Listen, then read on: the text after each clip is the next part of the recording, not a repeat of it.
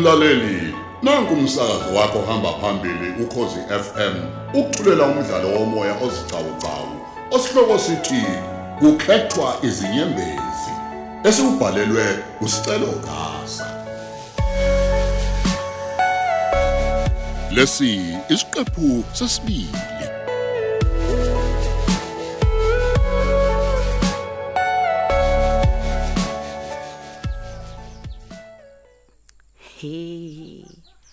Wadla spatsha spatsho. Lokho kugugu kuzomela ngikunamathele. Kuhle kosisi besimanje manje namadoshe esinemvu. Futhi ungafunga ukuthi kuphendule umthandazo yami. Yazi bengilokhu nginovalo lokuthi siyasondela phela isikhathi sokuthi ngibelethe. Hawu kwakuhle. Ucela wasixhome endokwini. He. Okubi ke ukuthi kasicelo bazi ukuthi ngibeletha emva kwezinyanga ezimbili. Kanti ugugu yena ubelethe emva kwenyanga eyodwa. Hayi. Kodwa ke kuyomela ngingasikhathazi ngalokho. Ngiyazi lizozakhe icebo. Ngaba ngisesiyo uspatsha. Habe, ubani yena?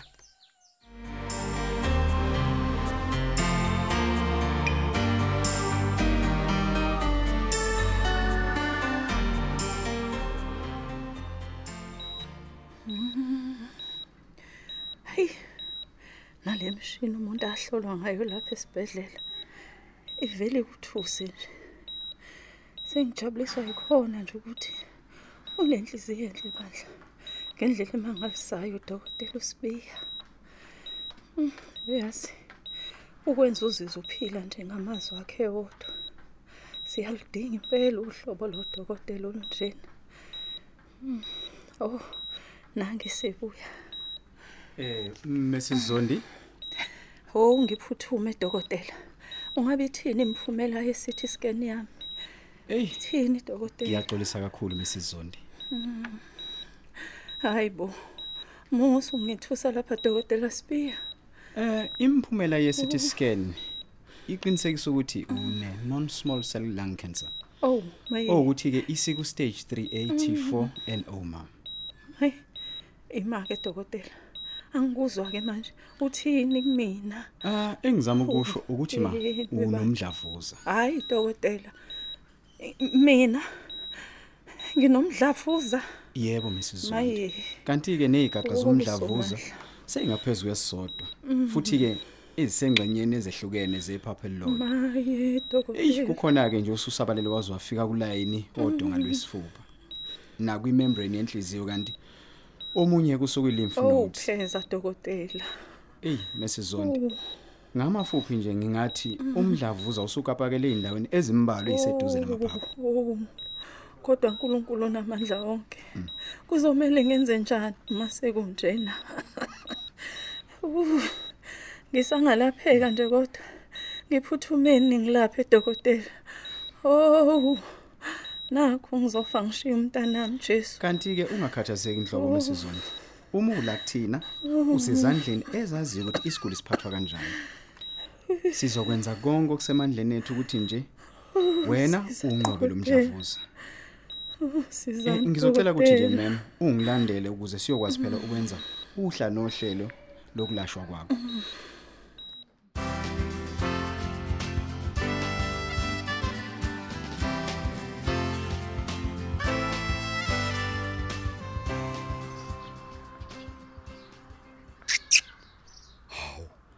Kanti unkosikazi unjani madoda? Hey. Yimi lo ngiyatatazela ngizomfaka kule moto ahamba ngayo. Uyajika yena utshela umlungu umshayeli wemoto ukuthi akayishaya izule. Hey. Angitshelwa mina ukuthi kuyiwapi. Hey. Ngizoke ngizwe kahle uma ebuya njengoba eshilo nje. Uyazi abantu besifazane bevele bakudida uphithana ikhanda nje. Ibizwa ngani lento ayenzayo? Hayibo. Ubanike lo ngisendela umyalezo. Hayibo. Le mali engango 4000 eqedwa ukukhishwa ekhadini esibeke kulo imali noma ngema. I- i- Iyapi? Hayibo. Kanti uthelela ngempela lo muntu wesifazane. uthathwa umfana kamgqashi lapha phambi kwami kanti kodla imali engiyisebenza kanzima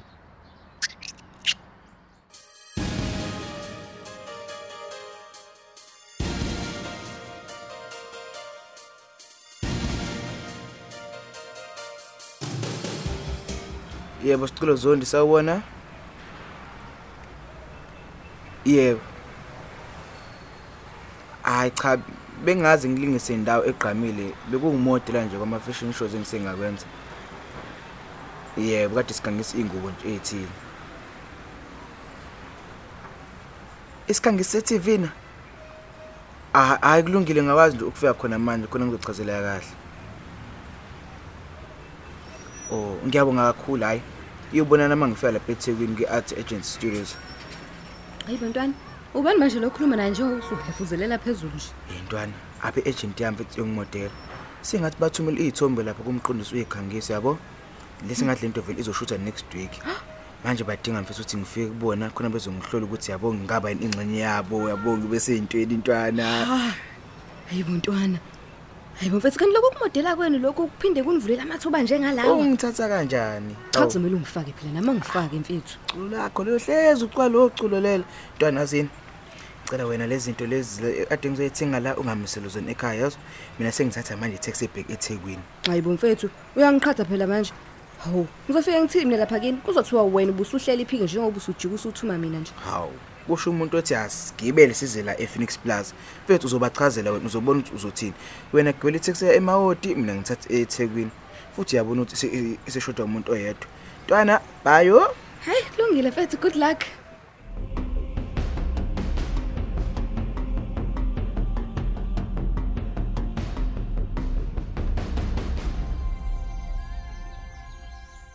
awuzwe nje thina siloku siyitshela ukuthi i- i- isifo sofuba somoya kanti lutho nje Hayi cha baba.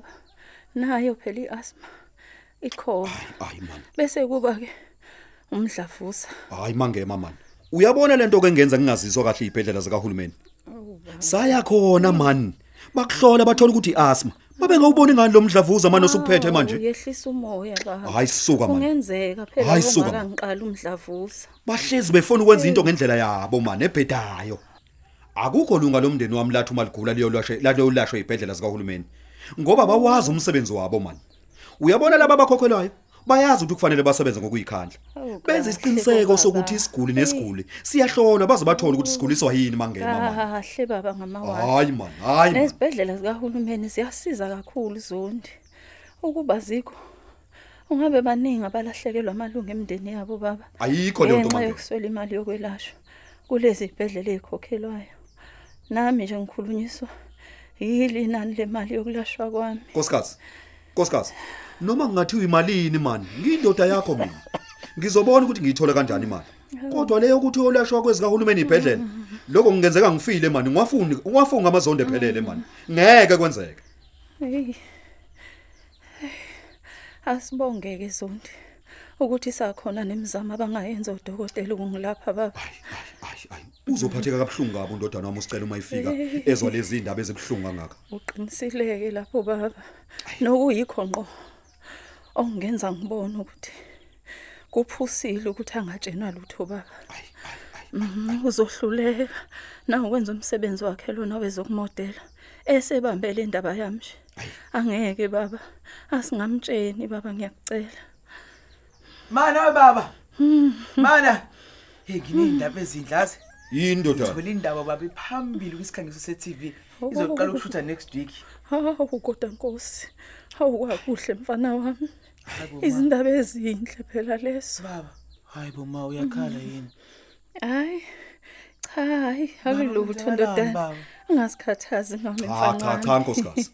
Kumele lazile iqiniso sicela. Oh, Ndodana. Kodwa baba. Odokotela bathola ukuthi umama wakho Hawu, sekunesikhathi kodwa eside Nkosi. nomdlavuza wamaphaphu. Hayi bo. Use usabelele nakwezinye ingxenye ezisondelene nakhona. Oh, kodwa zondi. Hey. Yini? Umdlavuza baba. Hayi thanini niyadlala. Owami mama baba. Kunjalo ndoda. Hayi. Hayi, eh, Sicelo, hayi, sicelo hayi, mfana hayi, wami. ngeke. Sicelo mfana wami. Ukugula kwakungamele kuphathe umuntu. Hayi, Kepha akukho esisangakwenza hayi, hayi. ngoba ukugula sisikhetheli khona. Hayi ma, ma. odokotela baphinda ama test okwesibili. Ah, ngisho ndoda. bengaphinda ko3 ko4 akwazi ma. Hayi hayi hayi ngawo hayi ngiyanqaba ngawo. Uyiqinisekisile udokotela Hayi, ma. umphumela ukuthi iqiniso sicelo khehla lami. Mm, hayi. Okudingakalayo nje ukwenzeka ukuthi ngithole ukwelashwa maduze. Ngoba ukuhlala kwami ngingalitholi usizo kusho ukuqhubeka hayi kokusabala hayi ma hayi komhlafuzi ma eh, eh, eh.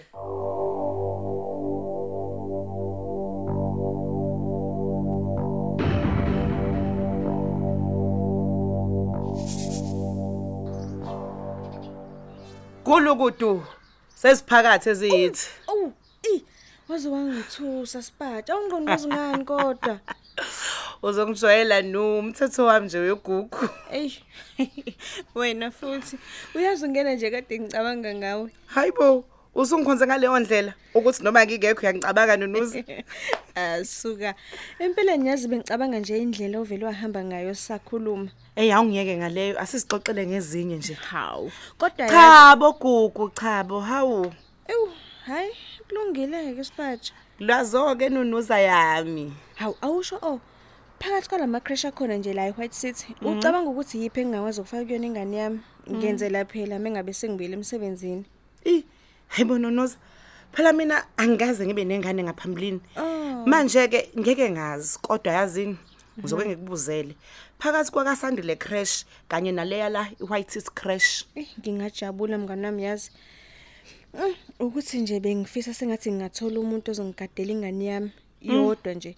Phela yazi mangabe ziyiningi ingane ngihlezi nginomcabango Hey. ukuthi mhlawumbe ingane yami ngeke nje ikuthola ukunakekelwa ngendlela engifuna ngayo mina. Hey, yabona ke lapho uqinisile mnganami. Hayibo. Wathola maqede wamamatheka kancane wedwa. Yindaba Lalela wena. Ungaqasha mina nonozi ukuthi ngikugadele ingane yakho. Hayi, hayi wena. Eyakhe ingane besebenze njani ke ngayo sipatsha? Hawu kahle nunuza. Mina phela ngizozigada zombili. Futhi ke lo wami uyofika kudala kabi. Ngingakujabulela kabi kabi ukuthi nje ngikusize mngani wami, ngikugadele ingane yakho. Ngiyacela phela mngani wami awuvumi, vuma ke phela mngani. Eh, mm.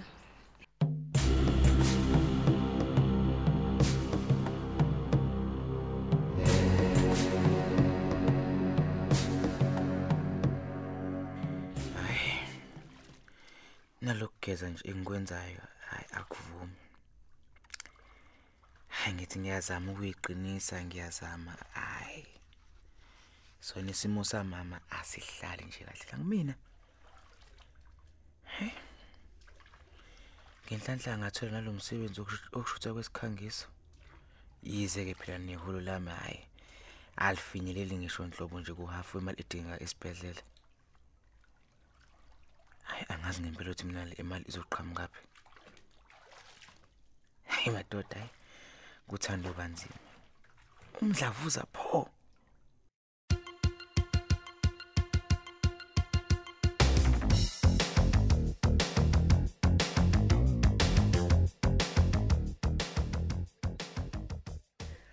Oh Nkosi yami uyabazi baba ubhlungu engimswayo. Angeke ke ngayiphikisa intando yakho baba wethu ongcwele. Kepha ngiyakunxusa mnini mandla onke. Kuthi lapho sungibuyisela ngakuwe kube yilapho sicelo wami sekwazi ukusinimela. Uyazi Jehova ngamthola kanjani? Angifisi nakancane ukuthi ngithi ngihamba kulomhlaba engakakwazi ukuzimela nokuzinakekela. Kulungile Nkosi. Sekunganda bona ubuhlungu kepha Nkosi yami ezokuphila zona izinsuku zithi ukwanda amen oh engabubanike lo secishe wangiphazamisa ngikhuleka ngena Sawubona ma. Hawu. Hawu thobeka ngani yami. Unjani kodwa? Ngiyaphila ma. Hawu, kwakuhleke ntombazane. Usicelo sageza ke mama. Ngale bathroom. Hayi, kanti namhlanje mangizile kuyena. Ngize kuwena. Maye ngaze ngabaluleke. Uzizwe unjani kodwa ma wami? Hayi. Uma nje ngisaphefumula mntanami. Ngizothi ngiyaphila ngani yami. Oh ma. Kodwa ke nawe awusabeki nanengubo ke nje enyaweni ukuze phela ungangenwa amakhaza. Uma ilanga selishonile makuyabanda. Awu. Ngiyayithanda indlela ohlonipha ngayo kodwa mntanami. Nendlela nje onakekela ngayo Thobeka. Uzungashintshi. Ngithatheleke ingubo ngale ekamelweni lami. Ubuyeke ngikuxoxela izimanga mntanami engizitshela udokotela. Oh kubi, kubi ingane yami. Hey ma, musuku ngithusa ma. Ngiyakutshela.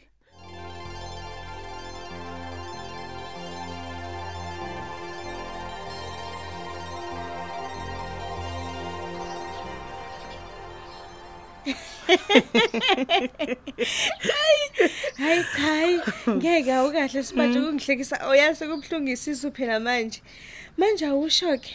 Wenze njani ke umfana manje mangabusho leyo nto wena? Hayibona unuza ngamtshela kahle nje ngathi isinemfu ngisithenge ngemali yami ngisifaka kowami umlomo angicela ixhaso lwakhe namlomo wakhe. Sibhenywa umina. Yena mayihlulwa yilokho akangishiye phansi. Hayibo Hayi cha. Hayi yena lo mnisi yazozakala sengathi ngumuntu nje olungile futhi ozifunela umshado. Hayi, waphuthela umendo ke o. we hayibo hayibo wayesengamana ahambe shame nalowo mendo wakhe. Ngeke mina ngimele ukuthi umuntu azongiphatha ashintshe impilo yami. Hayibo ngaliphi? Ngokuthi sihlanganiswe uthando. Hayibo isinefu sami esami. Hayi sengifisa nokuthi ngangilapho nginibuka. Hayibo, hayi ngeke phela sengikuphelezele ngacishe ngakufaka kini manje. ya Hayi ngiyajika lapha eSuper Touch Salon. Nawe phela lokhu ngiheha ngeindaba la hayi. hayibo hayibo kodwa ke mngani usungiphelezile Nkosi yami hayi sophinda sibonane kusasa mngani nami Awu khulileka yabo kusasa uzovakashelwa yimina lo. Ha- hayibo ngeke kulunge ungize ekhaya Hawu. imini ozoza kuwena Ha, ku- kube yiphutha nje kwakhona ukuthi sihambe sobabili angifuni lokhu kubonakala nawe I- ey'khathini ey'ningi hayi eh hayi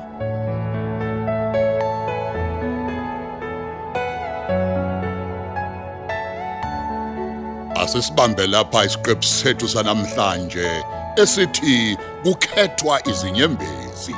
Osithulelwa ukhozi FM.